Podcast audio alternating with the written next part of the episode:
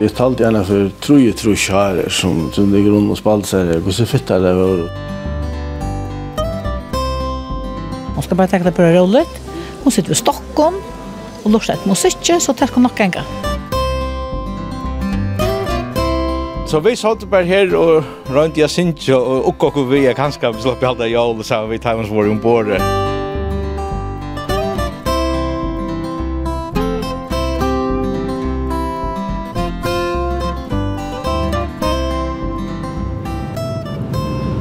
Gåan der, ein nutjur davur og ein nutjur davur av og i Vavon. Køyre nu fram vi vattnen hon, og om søgne var godt, så hei seg iver av flåvattnen nu, men det gjør jeg alls ikke. Jeg sønner nå et eller vattnet, det er rattelige ringt søgne, og det regnar nok så fitt øysene, så jeg do beina veina sønner, og så er at uh, det er ikke gav flåvattnen. Hei da veri som anko tog Arndor Finko så gau utkjærna så hei da nok eh, ikkje veri hoksningur om Atlanta men det tog jeg så ikkje met om men eh, ein sier firma i telefonen i Janne at just i det for eh, flåferri tja SAS som kjemur nu om middagsløyte nekra minutter ui oit at det bruka til nutjo utkjærna som gjør at har kunno lenta i verre syne det har vært en trobløyke tja SAS, så han tar byrja av flikkvinnkina, tar jeg haft nok som nekvar avløsingar, tu tar ikke haft det som utkjærna som Atlantic Airways. Men henne heva tar så finnes nu, og hon var så rant i det, så det kunne være stått litt at være ute i flåttornen ta tei lenta. Hette er vi tåre og tåre og flåvøtlen i Vavon, 17. sending.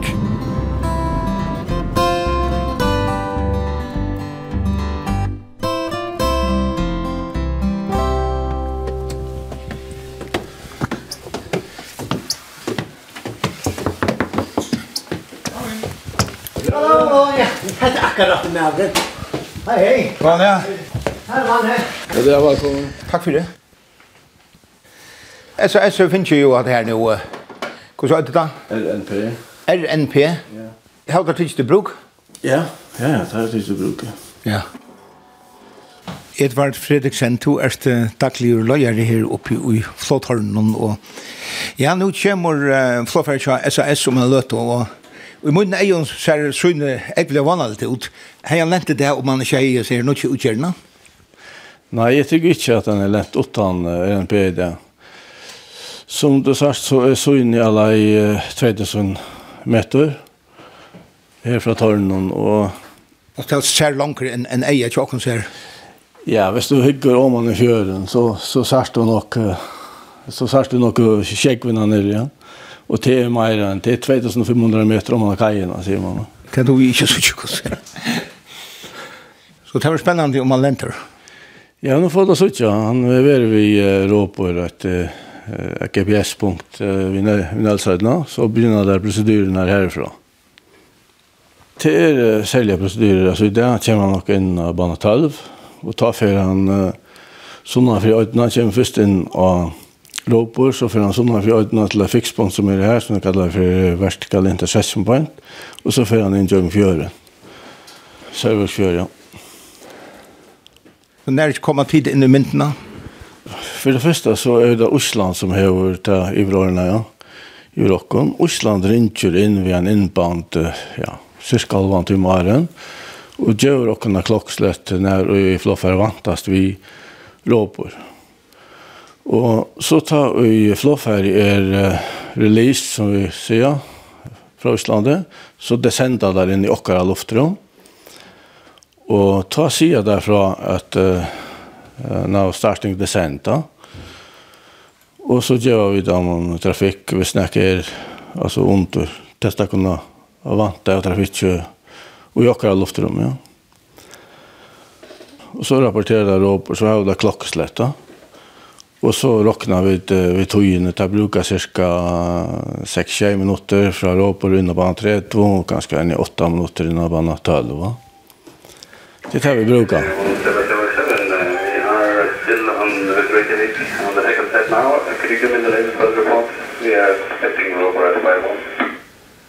One triple seven five one is copied. The wind for runway three zero is one five zero degrees seven. Wind for runway one two is one six zero degrees five. Visibility uh, 400 meters at the moment. Overcast in uh, 200. And still uh, fog. Temperature 9, dew point 9, QNH 1007. Nu så ungefär 9 då. Och nu säger han det att uh, han för i Robert Holding. Ja. Så han han han kommer inte långt ner. Han han ger sina prövtjän. Han rör inte. Nej.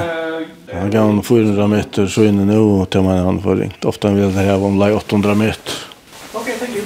Bye. Jag kan få så är det tar runt 1000 meter så är det tåka folk. Och är det om man för i mitten 1000 och och 5000 meter så kallar vi det för mist. Och han gav honom tåka som är nu va.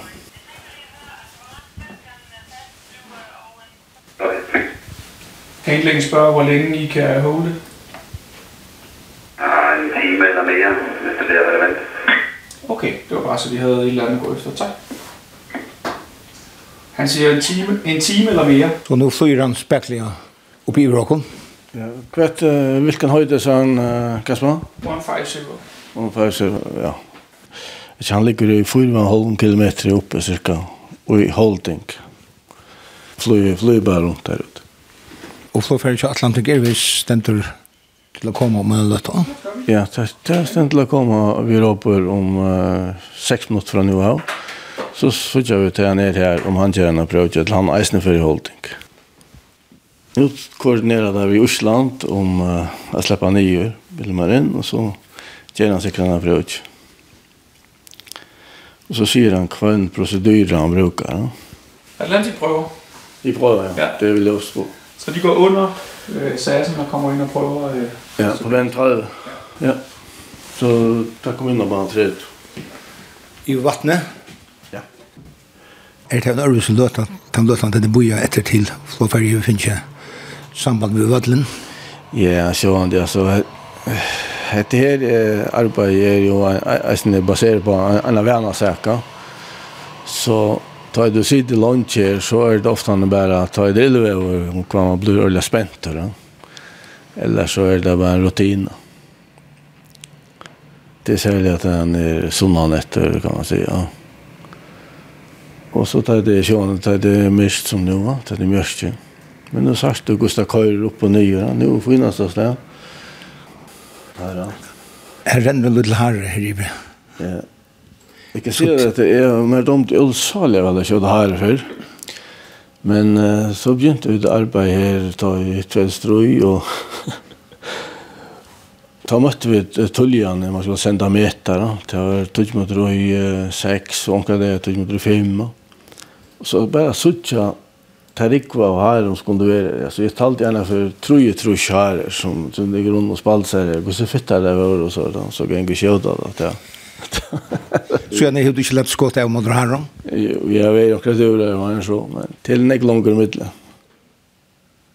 Efter att sutja, ta det ring så in, ja, fram till Vödlund. Men det man ser det att Loffaren sutja en ägg bättre ner i Jörgen Nu satt jag väl med kjönsen sen nere, och satt tjeckvinna nere. Hvis det hickar om man efter, så är det så inne mer än 200 km som är nu.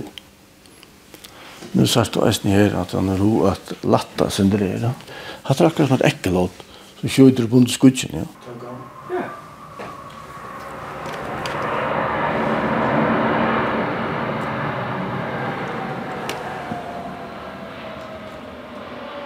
Ja, her lente Atlantic Airways.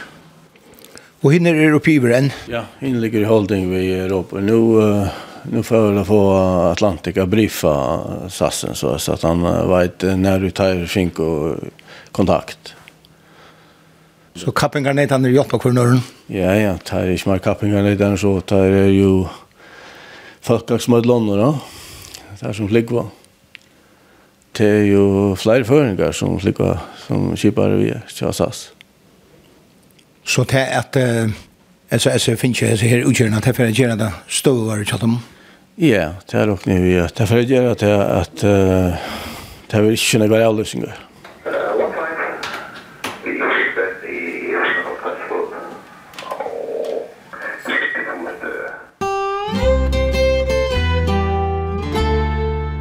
Anita Gåadel, du er til starfølse her av Flåvatlen som har arbeidt langst, som framvis er starve. Og i mai måned har du vært 40 år i starve her. Gå så bare til at du uh, får til arbeidet av Flåvatlen? Jeg halte det var bare tilfeldig at jeg ble Flåvatlen. Jeg begynte vi fyra timer om dagen, og det var funnet.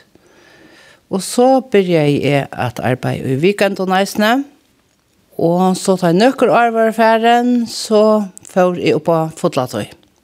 Lykke til nå. Oppgaven som er har vært å gjøre rent og være security. Vi skiftast, vi har vært seks damer som har skift om at gjøre rent og vært security. Altså security, det er at kan folk ta ut det færre noen, og er det færre ut og flåfer. Og jeg kan umynda meg at du er 40 år, så er det tog jeg tog trives hos arbeidsplassen. Ja, jeg har trives helt, helt utrolig vel. Her er godt uh, klima, her er gåstarsfolk, de er virkelig, virkelig fitt og hjelpelig, der man har bruk for hjelp, og de er virkelig fitt.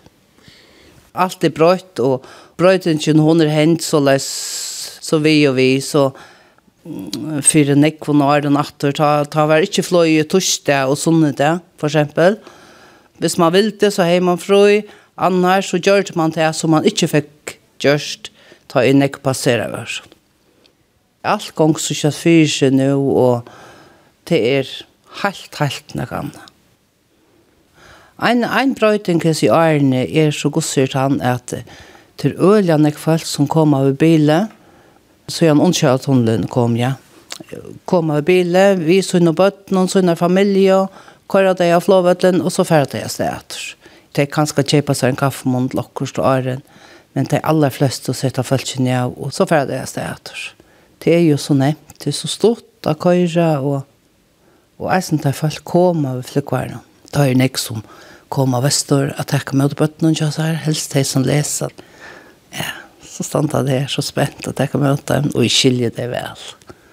Ja. Det er nekkbrøyt. Kjemmer du nekk på en samband vi folk som ferast? Ja, kom samband vi til som, som kom og jøkken security. Det til spyrja jo så nekk, og som jeg og dem har vært prata, selv om jeg slett ikke kjenner det, men altså, det er det at det blir akkurat som fortrolig vi ein, det spyrja nekk, og jeg sverre gosser til som jeg kan, og ja. Jeg vet ikke om det er et slag av trygglaga. Kan være, jeg vet ikke. Så gjerne i juni har jeg haft hjertetroblegger. Så var jeg vekk i trutja og da jeg kom attor, ta helt det til at jeg får ikke være noe særlig, men jeg ble totalt iverrasket til at Alltså det blev tidigt med mer som man säger vi öppnar öronen och det är helt helt otroligt att få en av sådana möten kan man kommer rattor och hur vi sjukor och vill lunch bort. Tui att um, stjorden över bjöa mer att vi är bär och security göra det som vi vill komma och färra som vi vill arbeta tar timmar som vi vill och som vi görs. Så det kan inte vara något bättre. Så nu vaskar du ikke mer? Nei, nu vaskar jeg ikke mer. Nå er jeg bare security. Det er tog som jeg har vært. Og det er det man vel? Ja, det er fint. Det er fint. Det er ordentlig deilig.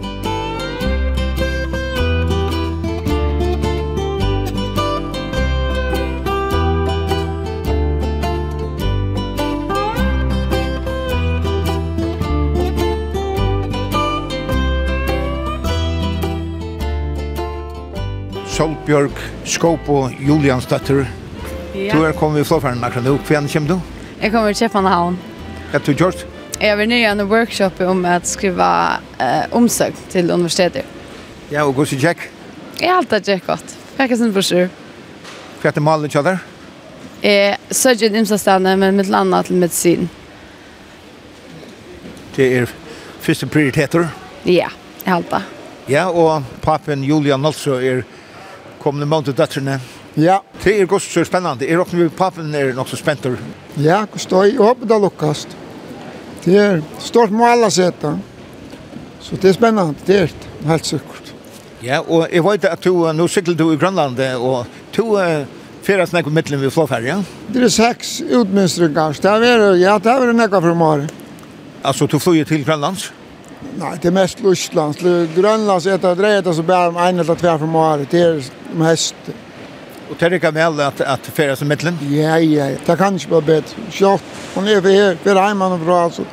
Det er en gav alle andre tøymer, så er man på plass. Det er kommer nesten ikke fire nå, at man ikke kommer frem og til tøyen og så. Det er kanskje også stormene i den veteren, men nei, det er ikke alt da. Når fart og svær? Det er som av Olasøke så ser man da ned noen. Og har du sagt noe annet om, om det ikke er etnast? Jeg sa ikke eisen sugar ut av frøye. Ja, jeg har uvært sin kjent, så jeg får ikke lukke nærmere på alt. Gå et nå. Takk.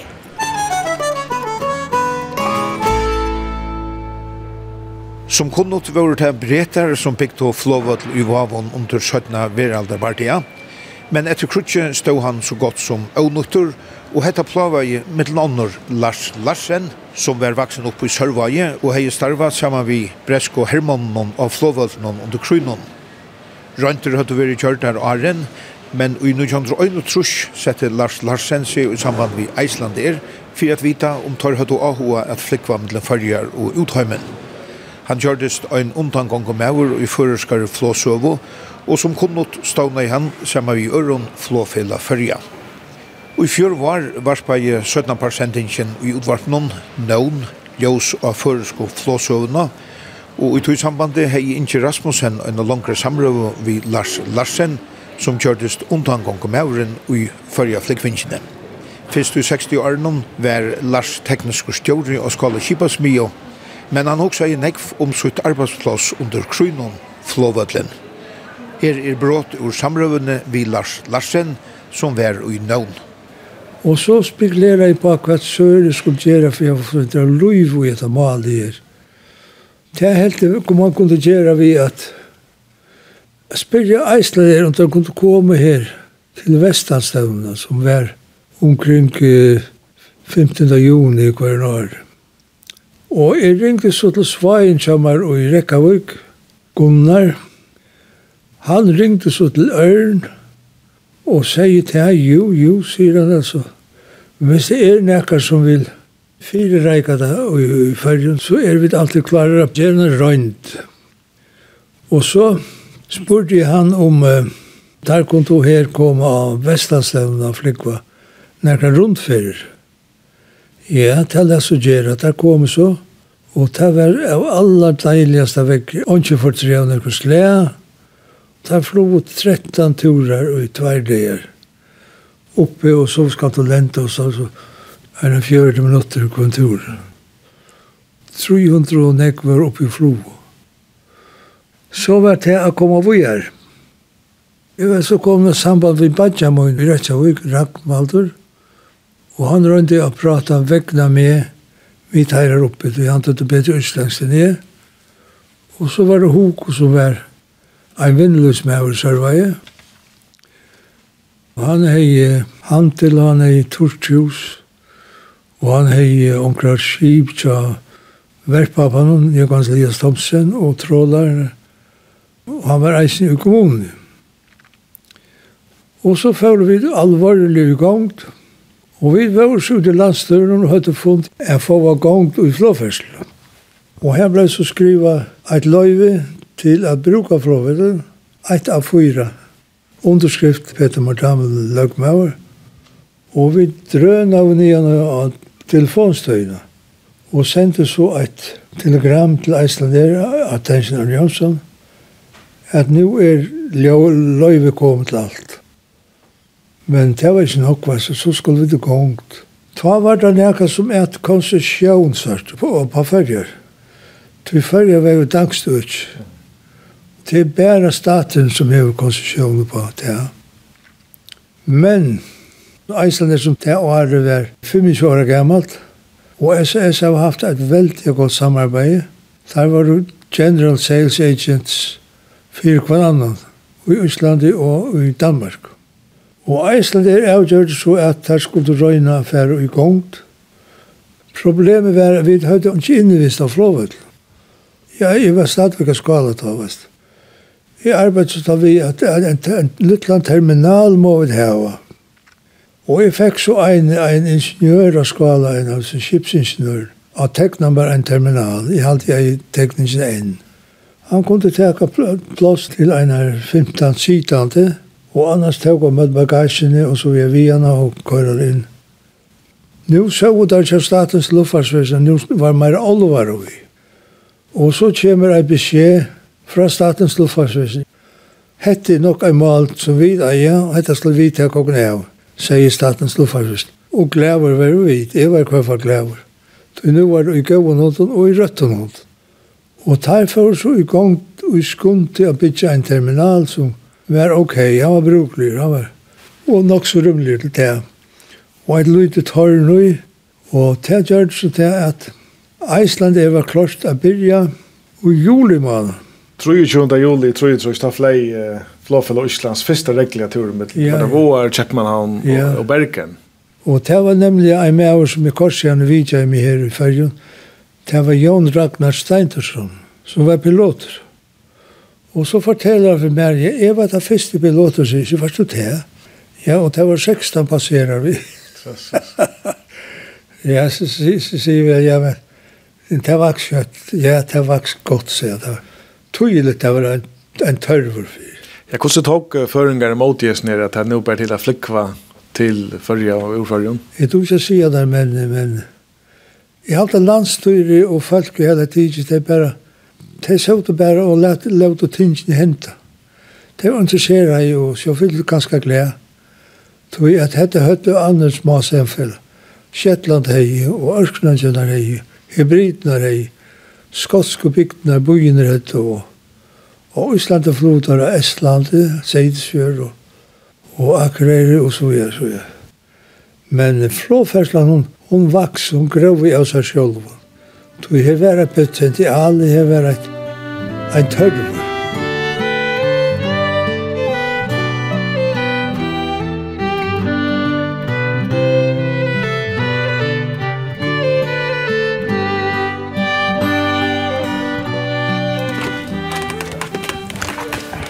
Så her halda det til.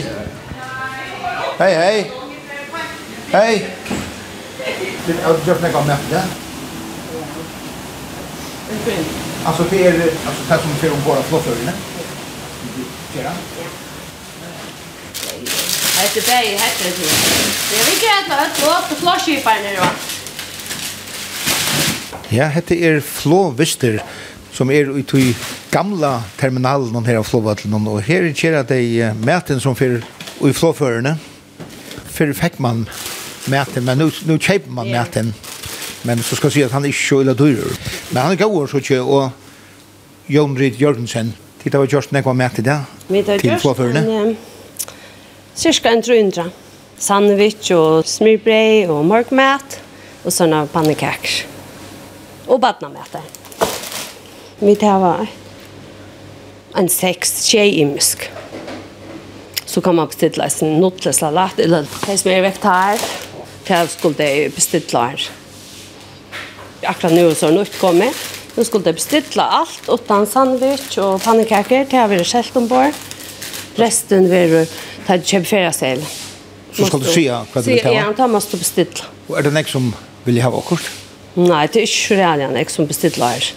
Det er sånn, Men det ja. Chef ombord. Ja. Men nå er det akkurat vi drar akkurat bilder på heter nu tja. Hesa vikna. Hva er det? Det er eh, rakoster, og dressing og feskelaks. Ordentlig godt. Og her er kumlinger. Og chili sås og kinaka mittlum pannekakene. Hva er det dent och antar det gör ända maten. Det skal være ordentlig godt. Vi gjør det så vidt at du vil jeg det, hvis vi død det. Ja. Hette til flåskjøperne og størresten her, det gjør vi deisle.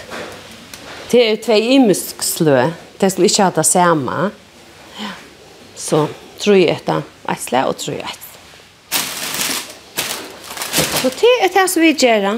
Så vidt om sommeren, nu er det ikke noe gjør, men om sommeren, da er det reallig reale, Henrik. Og så tar du flere folk, kanskje? Ja, da har vi noen unger som er fra skolen. Ja tar vi den seks, tjej folk. Vi er trutjer akkurat nå, og det er tvær, og det fyrer her. Og ditt arbeid er altså Atlantein? Ja, vi møter Atlant tjej, og så har vi frut et livet. Vi vet omgang til akkurat når vi slipper hjem. Så det er akkurat når vi fyrer, og fem, kanskje. Deilig arbeidsplass. Vi damer ordentlig vel, Atler.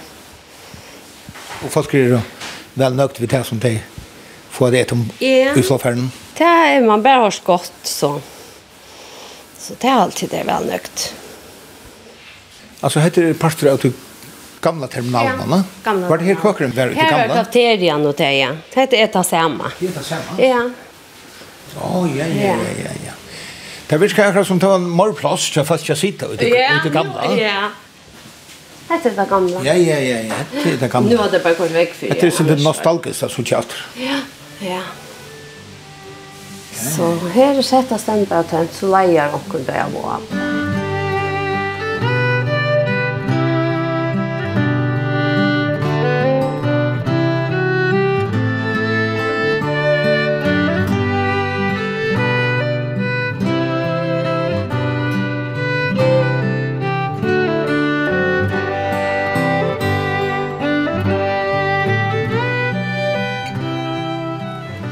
Benjamin Absalonsen er vi er og to kommer at vi flår på nå.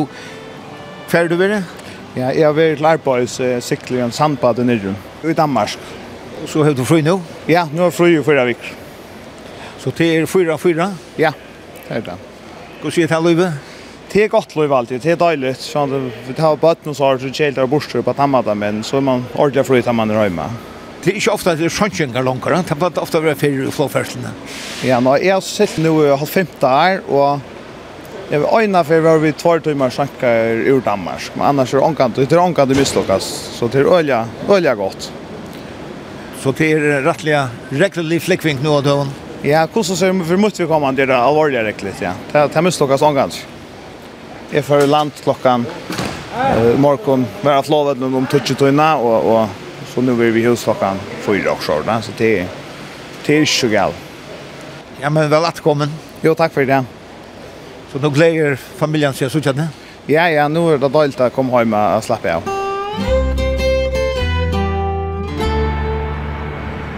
Så nå lente flåferdig så SAS kortene og i öronen färre. Så nu är det en hand här för att släppa. Ja.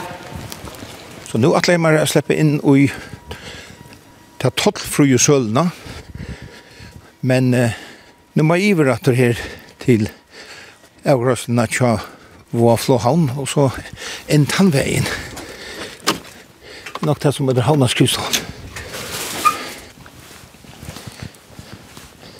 Hei! Hallo! Du, jeg skulle inn og ta seg vi henne selv, Jonny, som hever som hever tollfri uh, sølna. Å oh, ja. Jeg fikk vite skulle hente veien. Er den andre her i det? Hun er, skulle være her, halvt. Ja.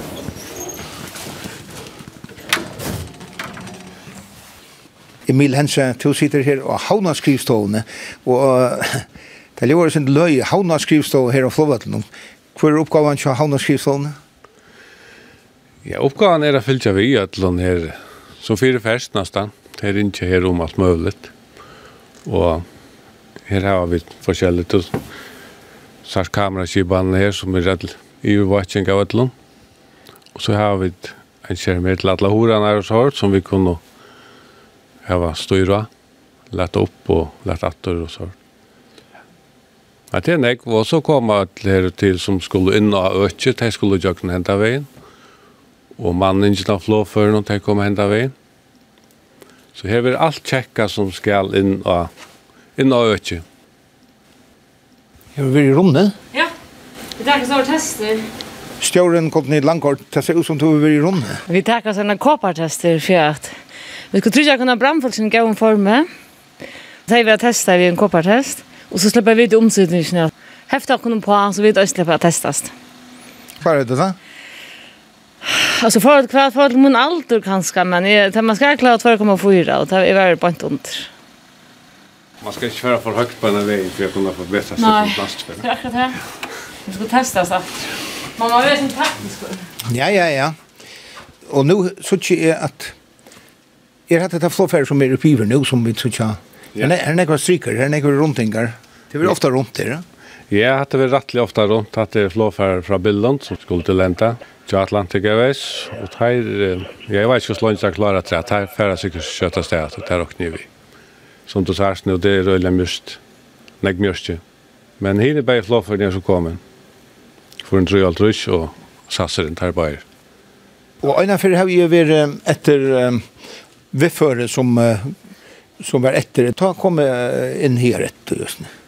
Ja, folk som glömma imisk ting og sorg, og folk som, ja, ting som ligger etter seg folk, de kommer inn her, Vi skrasetta det så og igjen er kipa ned i teltene i Sjokko.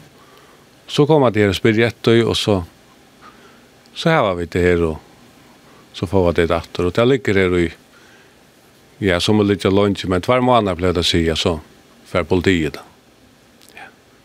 Det er en sånn procedyra som vi heva. Så det aller mesta kommer inn her, så hvis man har glemt dere, så bare kom her. Havna skrivstå. Hvor er det havna skrivstå? Ja, jeg vet ikke, det er sånn, Flåhavn, lufthavn, jeg vet ikke. det er sin løye kanskje, men det har vi så valgt å kalle det. Ja. Havna skrivstående.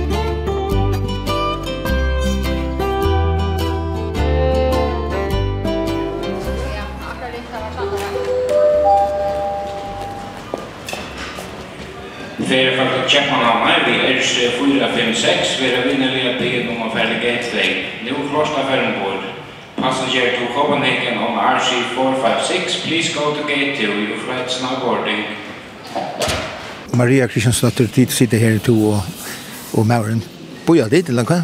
Ja, vi boja etter sistmånen som kommer ur Esbjerg nå, vi blir lånt. Men det er litt sindra av tåk og så at uh, jeg bor i en gålet en halvan timme eller så. Så tid välja att komme väster etter henne till bygger jo kallar för. Ja, vi velger å komme väster etter henne. Hun dommer vel at ta vid ta vi kommer etter henne til det hålet.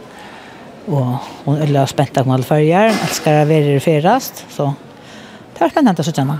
Hun bor i Esbjerg og hun er bor nere siden, sen i 1900.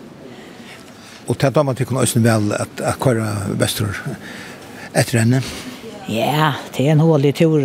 Kanskje ikke akkurat godt i det nå, det er nok mjørste. Men tar det godt vever er det hålig affære. Så gjør jeg at alle avstenker til Gasadals og så dreiver rundt og våtene, så får tog inn en genka. Det er sin ser først at folk kommer etter synen og, og, og vitthøymene. Det er nok sånn jeg som gjør det til. Ja, jeg halte det. Det her er alltid fullt av folk, og du sitter her og boja, og det er stått av suttja deg, selv om man er ganske hever samband vitt deg, minst enn fra vikene eller så. Nu kan man jo færa Skype og alt mulig. Så det er hålet, ja, ja. Men helt du til noen plass til deg som kommer her? Nei, det er det så slett ikke. Og jeg halte det kom just rettelige møyre bortsrur tja folk som kommer her, at det er det må hålet, og her, her er alt for få bor, og Om sommar er det fullt holdt ut i turen, altså det er ikke, det er ikke noe godt, nei. Man tar tog fra Lenta? Ja, det var mye. Og nå ser han 15-20, så da var han løttet seg. En sankavur? Ja, han ser han sankavur sin dør. Det er hese bare flåføren som stod her, de er akkurat, akkurat færna sted. Så at uh, de svaimer på luften også. Så da var han gå løttet seg det så snart at uh, sist min damer og kjøle var flikva. Hette ganske helt ikke noe særlig for henne at fresa rundt på luften og ikke vite hvordan og hvert. Jeg vet at hette damer er en jantje menn. Jeg har også når vi tog at uh, det er altså ikke kjanser tekner vi nøkron flåfære og hun skal bare tenke det på det rollet. Hun sitter ved Stockholm og lurer et musikk, så det hun nok en gang. Så vi gleder oss til henne.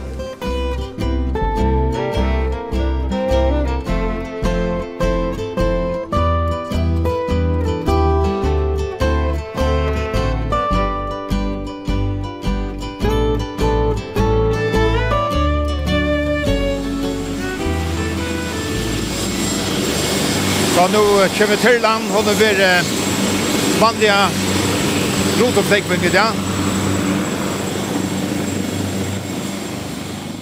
Anfinn Fredriksen, til og kjipare. Tid er akkurat kommet atter fra rotoppleggen. Hver har du vært i dag? Ja. Vi har vært det obligatoriska som man sier, så vi har vært rundt alle färger Det har vært i Mykinese og Sore og i Fokle Og så um, att att någon mittelnäsen och så vestrat. Och för att det är så happy jag misens månaden der har varit färturer. Hvordan är det hesa tøyene av Arnon er det nek som flikva vi til hesa tøyene? Ja, altså vi, vi legger mest til en vøkster, og i det for eksempel, her har vi haft fotlat til, her var det en i åtta utlendingar, og, og en fyra føringar ombord, en av turen. Heida veri for noen år, så igjen, så såg det bare føringar ombord. Så det här kunde vi märka det stora månader. Flera utlänningar nu. Det är inte mörkt på nu, men jag vet prata här. Men hur är det att fläckva vid tällen i mörka? Fläckva lite? Det första vi gör så att det hittar jag växer någon kostar för ärsta sig. Och så kör vi till att detta här är en vanlig dag vi, vi, vi räknar och sen av vanliga synne så, så, så klarar vi det fint. Men säger han att mörket ska komma in så gjør vi til at vi passer oss til. Så skundar vi dere at ordene flyktvinnsene er mjørsten kommer. Og omvendt, hvis vi møter til arbeids her til er mjørste, så hører vi om noen oppklaring. Og om det så er, ja, men så planlegger vi til å flykva at han har til klarene. Og hvordan er det vinter kunne du flykva i? Altså, vi kunne flykva opp til 30 meter sekunde og mer. Men til uh, marsk 4, når man kan starte opp, og sletja til den. Og i nekker vind, ja. Det er det som ikke er begrensningene. Så jeg tar til tyrlene flyger, og tar flikvar, flikvar generelt, så er nekker vinter utenfor. Ja, men takk for pratet, og gav en arbeid så. Jo, takk. Jeg er innekjørt for nå. Ja, nej, det är bra. Horen för Opa då är. Nu til Tyrland inn, da. Ja, nu för Tyrland in, ja. Ja.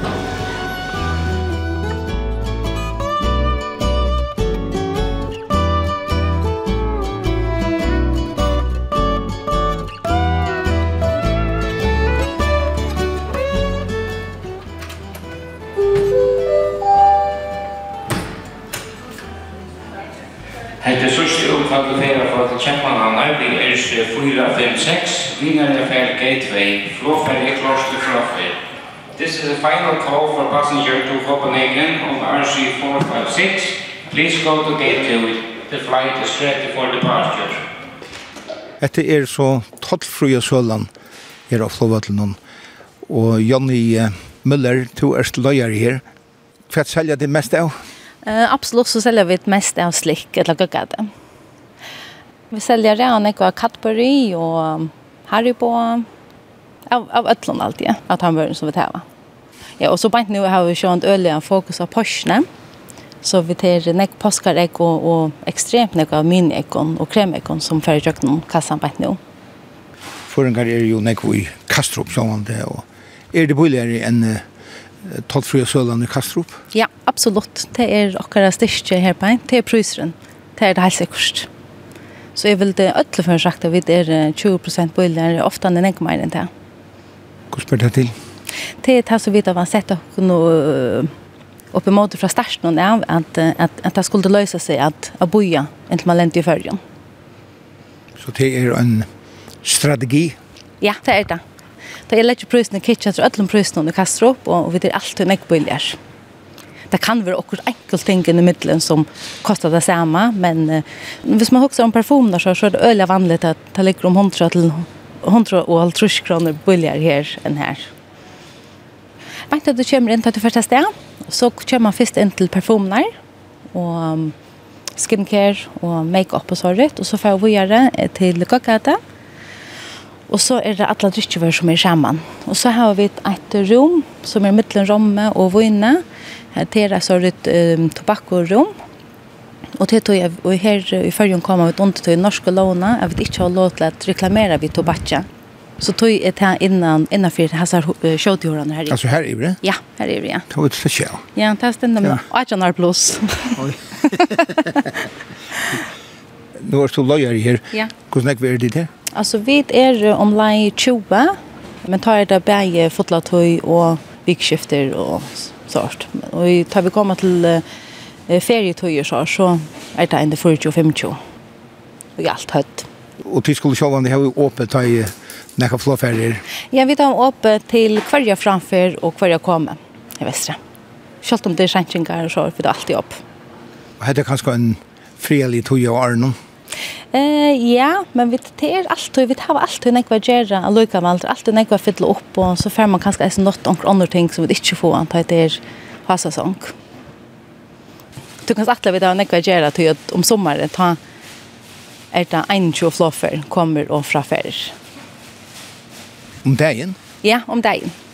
Eller inte kvönta, men nästan kvönta. Och det är som sådant nästan fått ett flofferne.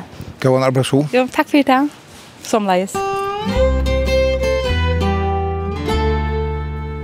Ragnar Johansen, du sitter i sjolvun uh, maskinrummen her til Atlantik Airways og større flåføren og flåferslene til Atlantik.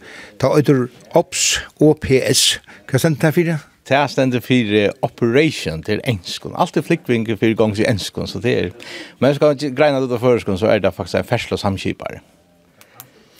Ja, og nå er vi til to støv at uh, ja, ja, flåferdig tja Atlantic lende først, og så kom uh, SAS, uh, til Ednes Airfare, men så et flåferd som kom til at Atlantic Airways, det kom ikke nye år da? Nei, det passer. Det ble jo tøyen verre ui så myrst at lenda tjåkon. Det kom ur bilden til flåferd, og til så fær vi er til Bergen og stender her nå, og, og bor etter å slippe hjem og få bedre vever, og så hjem heim kvalt. Hvilke oppgaver har to i samband med det flåferien? Det var det at jeg samskiftet vi, vi flåskiparen, hvordan landet der kunne være halvdende i piver og kunne beint. Og så finner vi det av hva for uh, lufthavn der kunne føre til, at få brennjevne, eller etla ivenåtta hvis det er nøyot. Og i kveld er det så vanlig å være brennjevne som, som skal gjøre så kommer det hjemme til. Så sier de hva for lufthavn der jeg anbefaler der føre til, og så flykker der i kveld til Bergen Det kunne vi ha flau, hvis det var Vekker var kjell bergen dem så.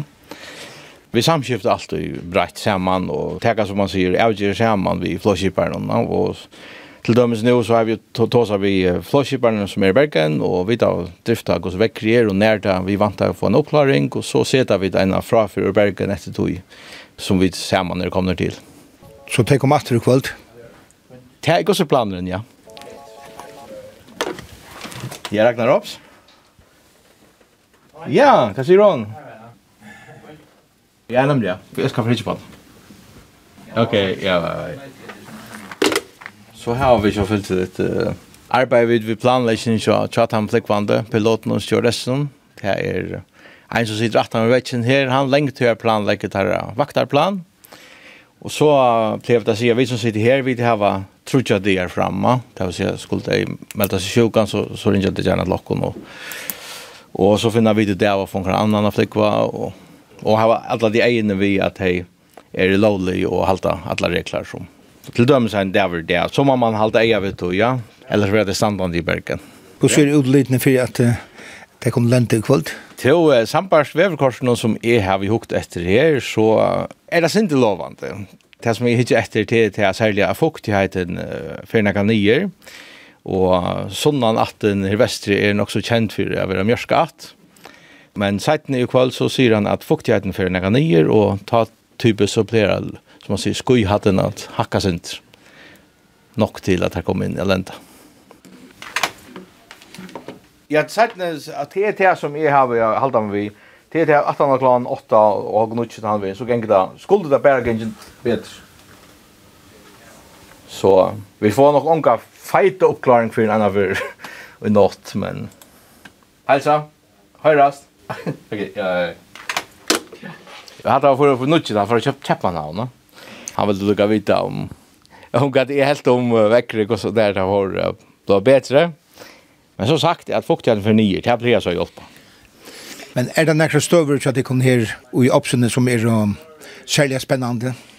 Ja, det är det ofta særliga ta i det er postkyr og jól og sorgar folk koma heim og vilja sleppa heim sjá litt.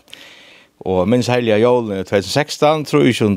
desember, ta såd vi her og ta lasa til vel for gittar inn i opsene her inn i Rovdon, og alt kom så inn her av boi at vi har flikkaren fikk seg. Han sirkulerer rundt i Pyrokken, vekker vi så ringt. Så vi satt bara här och runt jag synte og och och vi är kanske släppa halta jol og så vi tar oss vår ombord. eller ikke, men det enda så vi är den lente og tog han bättre men det er sånne løter som per plåtförst jeg sent opp på. og det är sånt äga spennende Men han han lente det er det viktigaste. Det er en jol. Men Men att det är en pass arbete någon till ofta när jag blåtrust för jag sent upp alltså det är Sälja att du hade gamla stoffer. Ta ta i Iron Fingers Nutsjon. Han var ofte han var så där hade det ikke så RMP takten att och ett och och mjörska det här var här hopplöst det minns man att han är hackre då. Så tack hon gott ha tror och fyra floffer hänga till fyra där. Tack om det blånt det är spännande. Tack så mycket för långt. Tack så mycket för långt. Det är öliga skjoldarna jag vet inte slända nu och det är det tackar vi er så fantastiska utgörna så vi har ombord och hat högnelig och floffer vi där det. I Rockar gavan Ja, luive er tøyt og møyt. Vi leva høvast vi snabba Tui at vi bedjan nøyt. Så lät okkun tui standa saman. Og elskam Ja, baskeren Blått Græs er vel om på over her. av daltene fra Atlantic Airways, Ragnar Johansen og Johan Mikkelsen, som vi tar hørt om, tar ur veier her og i tar som der oppe fri oppsene, og så er en trie limer og balken og øsene her, på en visøyen av i teknisk dalt. Men Johan Mikkelsen, to erste fersloløyer i her, Vi tar en ekv om hese her, nutjo kipanna, RNP, Det vil si at flåførene kunne lenta og i verre syne til dømes. Hva er RNP? Hvordan vil du løse det? Ja, det er faktisk en vever i gang luftna som er roknaver ut i en GPS-systemet. Så flikker vi det uh, faktisk veldig. Vi kan si at vi køyrer nyer i møter uh, haddene som vi da finnes lådlafer nyer. Og så gjør vi ikke banan her beint. Så gjør vi en såkallega go-around så fylgjer flikkvaren en vei utdatter uh, ut i frie luftene. Det er faktisk uh, det. Og Arne var det bare vi egen? Altså, før i tøyne så hadde vi ikke den veien utdatter uh, hvis vi skulle gjøre noe overhånd. Det var si at vi måtte være haggre oppe da vi skulle gjøre seg overhåndene for at uh, komme ut ut i frie luftene. Alltså go around talentet du inte men för att Ja, det är det man alltså vi det är en, en först procedur hur vi gör en sån go around så flyger vi bare ut etter i det frie luftene. Og så fer vi til Pivr, Ødlund Fjødlund, ut til Mysnes, eller ut til Nødsøytene, og så er vi i et. En øren fagmann som heter Holding. Det er ikke folk som får inn av flytrader, så synes jeg at vi gjør en runding her, og, og hitje etter, eller lort etter uh, tårnene som er av lovveldene, og så sier jeg der åkken hvordan vekker er, og nå knappt nå er det lattna lydsynder, så prøver vi det ene fra trett, nyretter, og ta flere hepnast. Og vi som nukkje utkjøren kom til å komme langt nye med det, eller tattere vøtlen, vi er verre så inne, altså? Ja, det tror jeg vi tar at han veien er slipper vekk at. Vi planer ikke alltid å være sted at vi kunne ikke fære nye om et visst. Altså, før døgnet hadde vi ikke den veien å fære sted etter, det vil si til at vi måtte bare flikke bein fram. Udatter, men nå har vi den vei som vi kunne fære nye med tog kunne vi fære, altså, ut i Jøgne Sørvaksfjør, sier bare Thomas, etter en vei udatter, tog kom vi färra långt ner i mödebanan än kan vi för. För vi måste man färra bänt fram bara. Och heter det en fullkomlig trickskipan? Ja, ja, ja. Vi har haft negva tester og myndleggene har eisen gaukjent. Vi är uppe i flygvinsne och vi er vid at gaukjent disse skipan. Det er danske myndleggene. Hatt det så i samband vi ringsøyne, alltså mjörska. Men gos är det så tajder elvevor, negva vinter? Ja, då har vi denna briefing går med för in och vi tar var några först parameter som vi vi gänger efter tar vi ger en approach eller en inflygning in till förjar och kommer vi då tom näka att man avtalar av parametern så får vi uppåt. Det är faktiskt öle enkelt se på tamat. Och en sån go around är det som snackar om Eisen Johan han är öle väl tränad. Det är vi det simulator halva kvart år är vi tränar øyla negvare av taimon. Og så kjør Fisle Svømme eisen kjørs nekrar i, i verleggene og som simulatoren. Han er, det er øyla virkelig faktisk. Og ta viser det før skal vi i skiftene? Ja.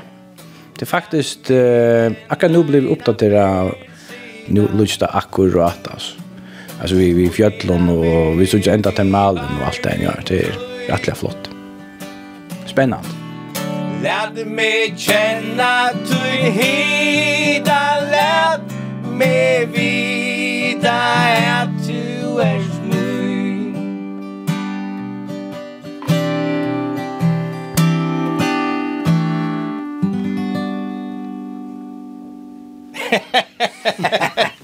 Det är coolt. Tack för det, tack för det, tack för det. Tack för det. Ja. Ja, ja.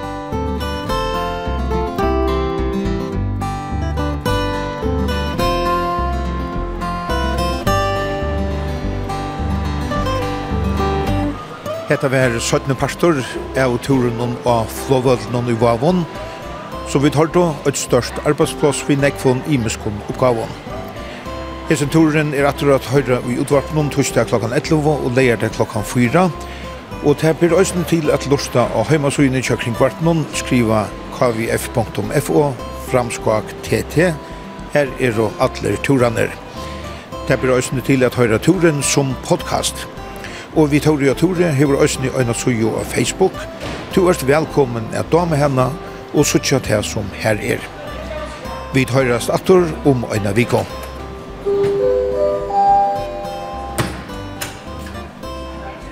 Fingerlefer Gateway, Flowfer Eclostre Flowfer. This is the final call for